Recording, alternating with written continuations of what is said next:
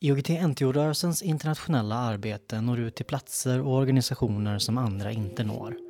Men varför ägnar sig IOGT-NTO-rörelsen överhuvudtaget åt biståndsarbete? Och hur genomförs det? Det ska vi prata om i det här avsnittet av Accentpodden. Jag heter Jens Wingren.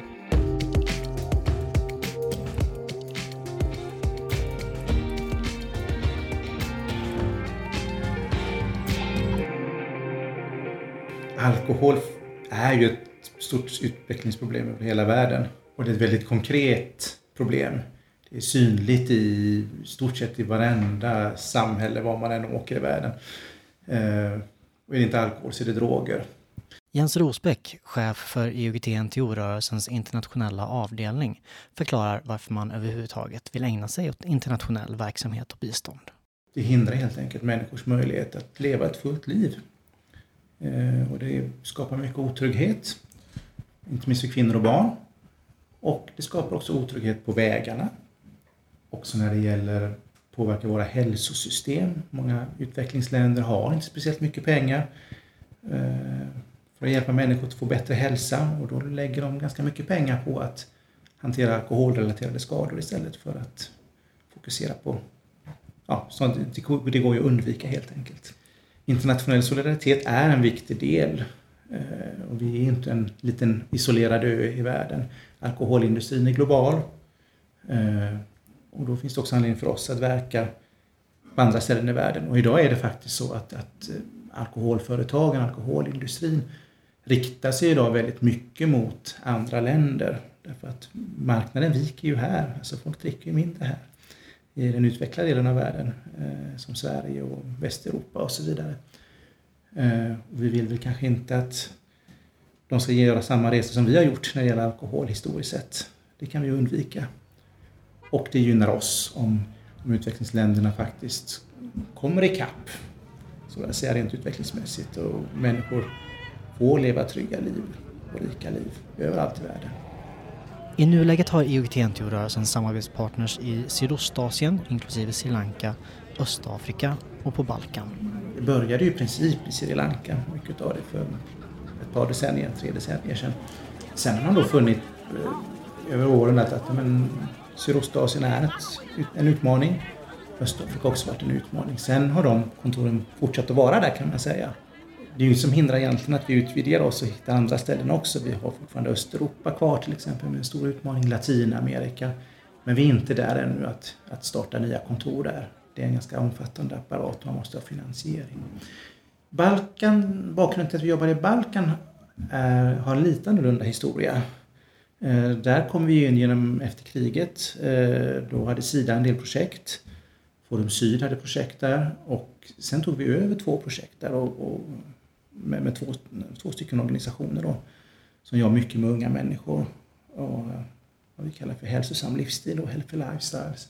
Och det har sig vara väldigt lyckade projekt som vi har tagit över. Eh, och eh, de är väldigt aktiva de två organisationerna. Så man får ju till sig projekten på lite olika sätt. Ibland så arbetar vi partnerskap med själva, ibland så är det andra som vill lämna ett partnerskap men ser oss som en väldigt bra partner som kan ta över. Och på det sättet så får vi en långsiktighet ofta i biståndet. Pengarna som används för det internationella arbetet kommer inte från miljonlotteriet utan från Forum Syd. Forum Syd får i sin tur pengarna från Sida som finansieras med skattemedel. Så det är en väsentlig skillnad jämfört med den svenska verksamheten på det sättet. Så att det är nästan, man kan väl säga att ungefär 75-80 procent av vår finansiering kommer den vägen. Vi får ju sen också stöd från eh, Radiohjälpen, ett par miljoner per år, två och en halv miljon ungefär.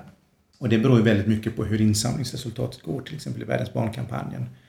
Det är ju därifrån vi hämtar de pengarna. Och sedan så har vi ju då rörelsens egna egeninsats, kan man kalla det för.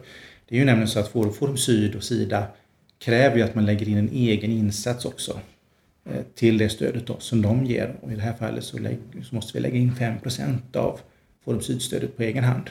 Och det kommer ju från, från rörelsen då Mm. från nykterhetsrörelsens organisationer, från de fyra förbunden. Totalt sett så eh, ligger vår budget på ungefär 25-26 miljoner. Och eh, med det så driver vi tre kontor, ett i Sverige, ett i Tanzania och ett i Chiang Mai. Och vi stöttar i dagsläget ungefär 30 partners och projekt kan man säga. 30 projekt alltså. Men hur väljs dessa ut och hur går processen till för att hitta projekt att jobba med? Alltså processen, är, alltså vi, vi kan kalla det för partnerskapsprocess som man säger. Så den börjar ju alltid med att den, den, den partner man har eller som är intresserad av att börja jobba med oss skickar in en ansökan.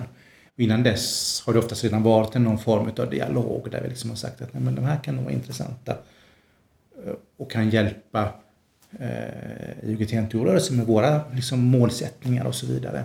Och de är också intresserade av våra frågor. Det är en sån här initial bedömning. Så då skickar ju partnern in, då, den potentiella partnern, skickar ju in en ansökan som vi bedömer.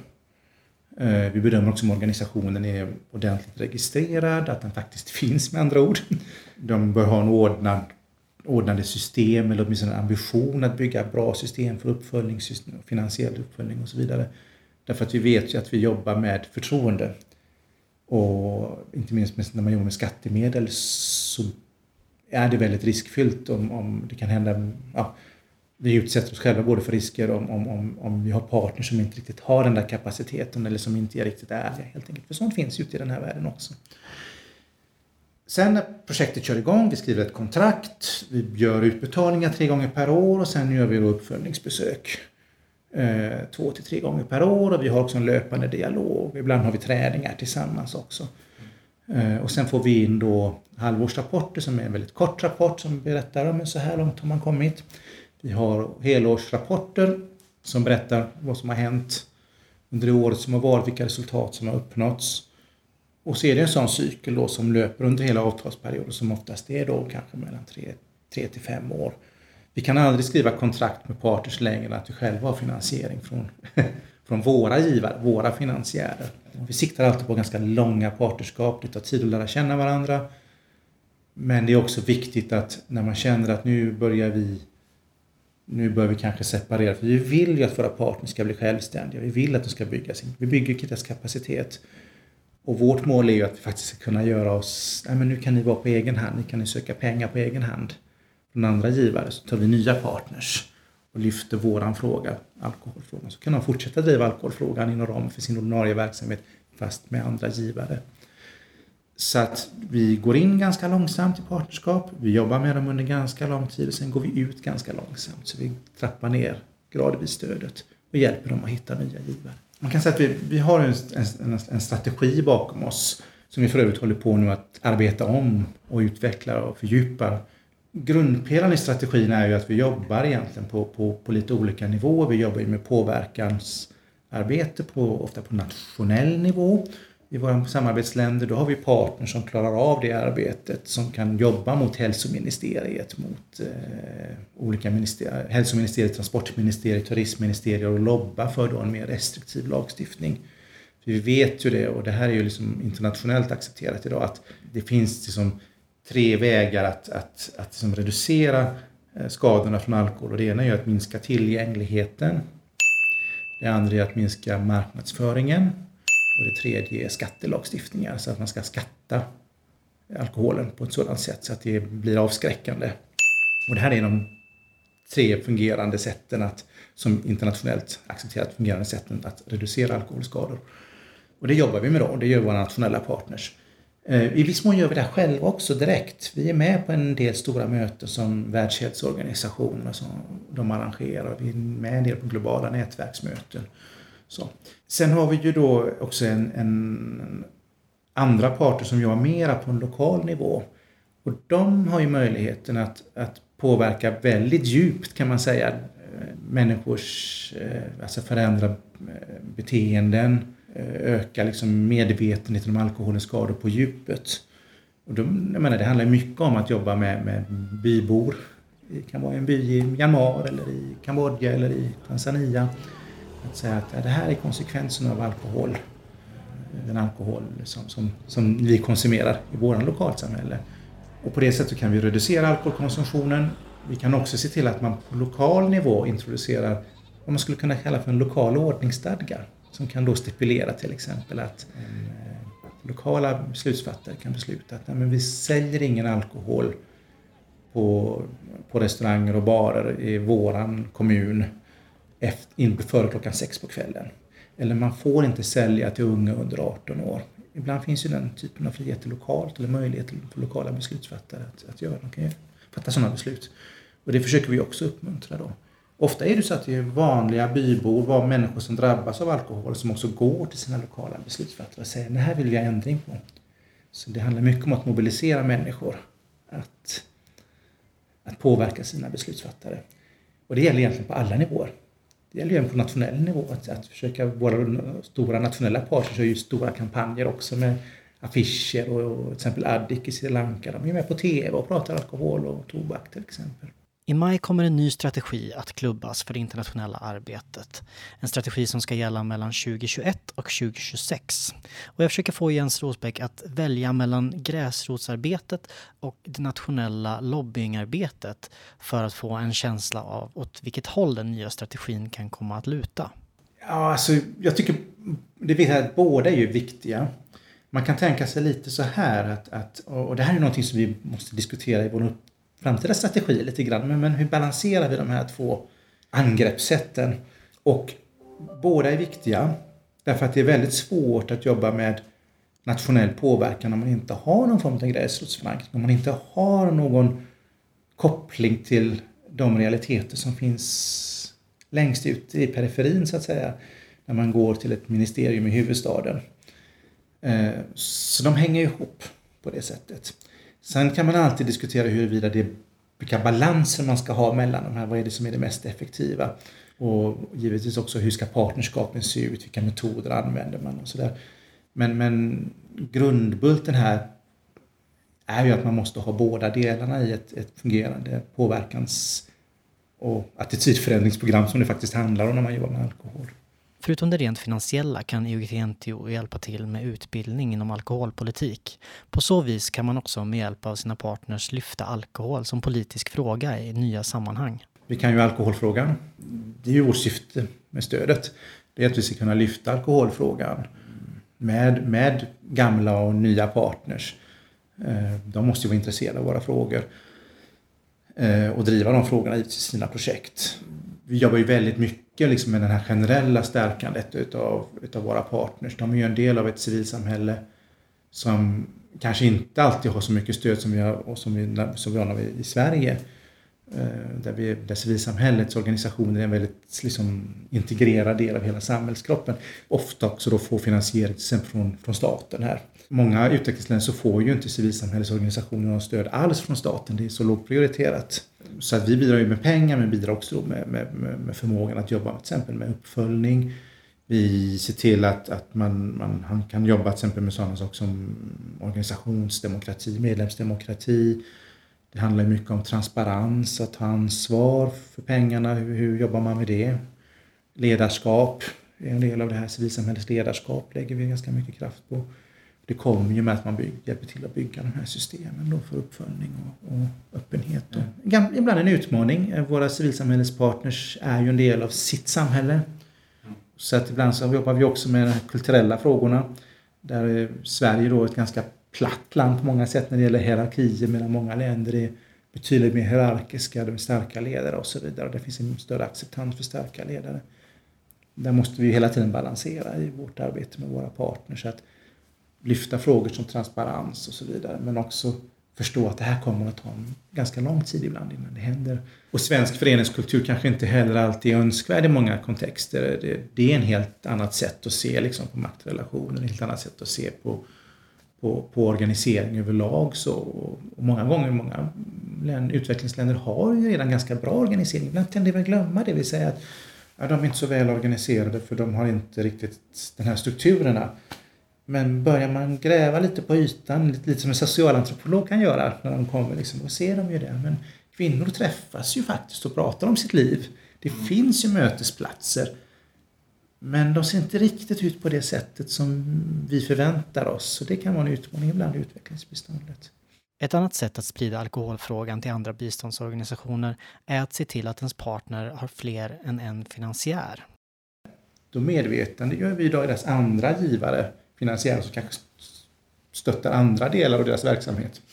Att alkoholfrågan faktiskt finns, att det är en del av utvecklingsagendan.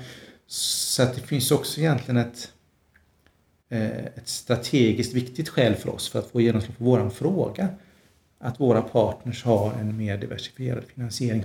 Det finns också en annan aspekt av det hela. Det är att, att om man ger väldigt lite pengar till en stor organisation då kanske det inte får genomslag alls. Därför att då blir den där frågan så liten, så liten kranssak som liksom aldrig någonsin slår igenom. Så det gäller också att hitta en part som verkligen är intresserad av att driva frågan med de pengarna de får och som inte bara söker efter pengar. Den typen av organisationer finns ute i världen också. Även om alkohol som utvecklingshinder blivit ett allt vanligare ämne inom biståndskretsar under senare år så har man fortfarande en lång väg att gå enligt Jens Rosbeck. Alkohol ligger som en fråga lite i kanten. Mm. Och ett av målen med vår strategi är ju att försöka få in det här mainstream. Vi ska få in det här mitt i liksom våran diskussion. Alkohol är en av de stora drivkrafterna bakom eh, eller orsakerna bakom non alltså icke smittbara mm. icke smittsamma sjukdomar. Eh, så att frågan börjar ju krypa in i agendan. Vi har haft en del samtal med Sida. Eh, problemet här är ju att, att det finns så mycket man kan ta när det gäller utvecklingsbistånd. Mm. Jag menar, vi har jämställdhet, miljö otroligt stora områden. Eh, alkohol ligger som en liten bubblare vid sidan om. Hur får vi in det här? Det är en av som våra, så här, skulle jag säga, våra uppdrag. Vårt uppdrag kommande fyra, fem åren. En bra historia kan man alltid skapa, tänker jag. Eh, med alla partners. Det gäller bara att hitta liksom sättet att göra det på. Givetvis är det svårt att göra en bra historia av ett möte med en eh, minister i ett fint ministerium. Det finns ju också människor i andra änden som, som, eh, eh, som, som drar nytta av eh, mer restriktiv lagstiftning men som också eh, lider av om det inte blir det. Det är ju den här balansen som vi sa i början där. Den här balansen mellan att ha en stabil förankring i, i myllan i, ute i fält och kunna knyta den till policynivån.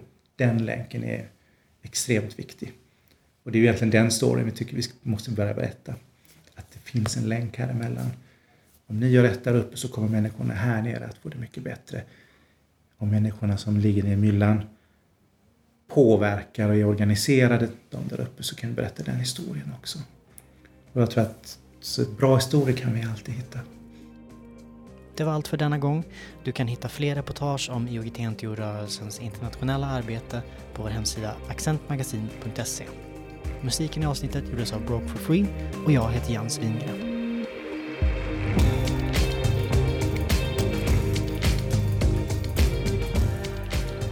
Du har lyssnat på Accentpodden. Accent är Sveriges största tidning om droger och nykterhet och IOGT-NTOs medlemstidning. Du får gärna höra av dig till oss och berätta vad du tyckte om den här podden och vad du skulle vara intresserad av att höra mer om i framtiden. Du når oss på accent iugt.se. Du hittar våra senaste nyheter på www.accentmagasin.se eller på Facebook. Tack för att du lyssnat!